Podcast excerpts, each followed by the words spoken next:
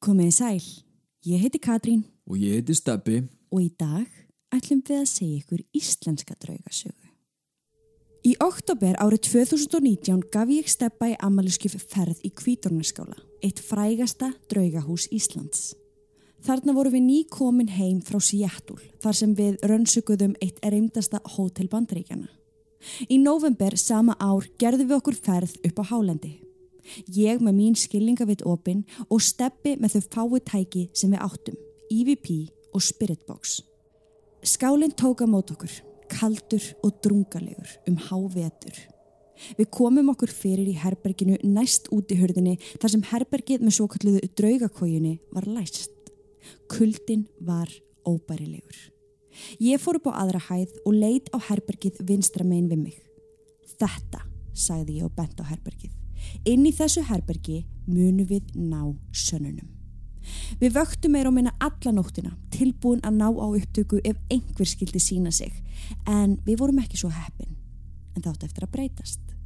Seint um nóttina hölluðu við aftur augunum eða að minnstakosti ég, Steppi gæti ekki sofið og bað til Guðs alla nóttina því honum fannst raumurulega einhver setja ofan á bringunans. Við skildum EVP-tækið eftir í gangi inn í herberginu sem ég hafði bent á fyrir um nóttina. Um morgunin vöknuðu við í úlpum með húfur, styrð og með hálsrík. Við klifriðum upp stegan og náðum í EVP-tækið sem hafði tekið upp alla nóttina. Við komum okkur fyrir inn í herberginu og þar umkringt kertaljósum þegar hann dimma og kalda november morgun heyrðu við rattirnar og að lokum þá hóstaði einhver. Rattirnar voru greinilega tvær, karl og kona. Þau voru að tala saman og síðan hóstar konan. Við sátum stjörf og horfðum á hvort annað. Það var engin í kofanum nema við og rattirnar og upptökunni voru klárlega ekki okkar rattir. Í fyrsta lægi vegna þess að þær hljómuð ekki eins og rattirnar okkar og í öðru lægi af því að þær voru alveg við EVP tækið á meðan við vorum sofandi á neðri hæðinni með lokaða hurð.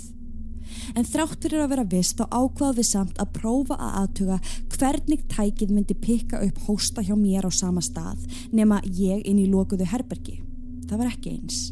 Við prófum líka að tala saman inn í herberginu og meðan tækið var í efra herberginu. En aftur, þá var það ekki eins. Þetta voru greinilega ekki við á upptökunni. Við höfðum náð á upptöku röddum framleiðina anda í kvítorniskála. Spólum tvö ár áfram, júni 2021.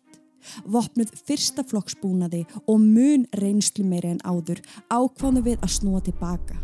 Við vildum fá svör hvað er það sem leynist í þessum litla, hvíta og græna fjallaskála sem fólk hræðist. Svo við heldum á stað. En ef við aðeins hefðum vitað hvað átti eftir að taka mót okkur, sterkara og reyðara en nokkru sinni fyrr. Veri velkomin í kvítorneskála. Taka tvö. Hlustu á allan þáttunum hvítan og skála taka 2 inn á patreon.com skástrík draugasögur. Horfðu líka á heimildamindina sem við gerðum um rannsóknuna og þau sönnunagag sem við náðum inn á draugasögu kynnslóðinni. Engin binding og þú far aðgang á öllu okkar efni frá upphafi.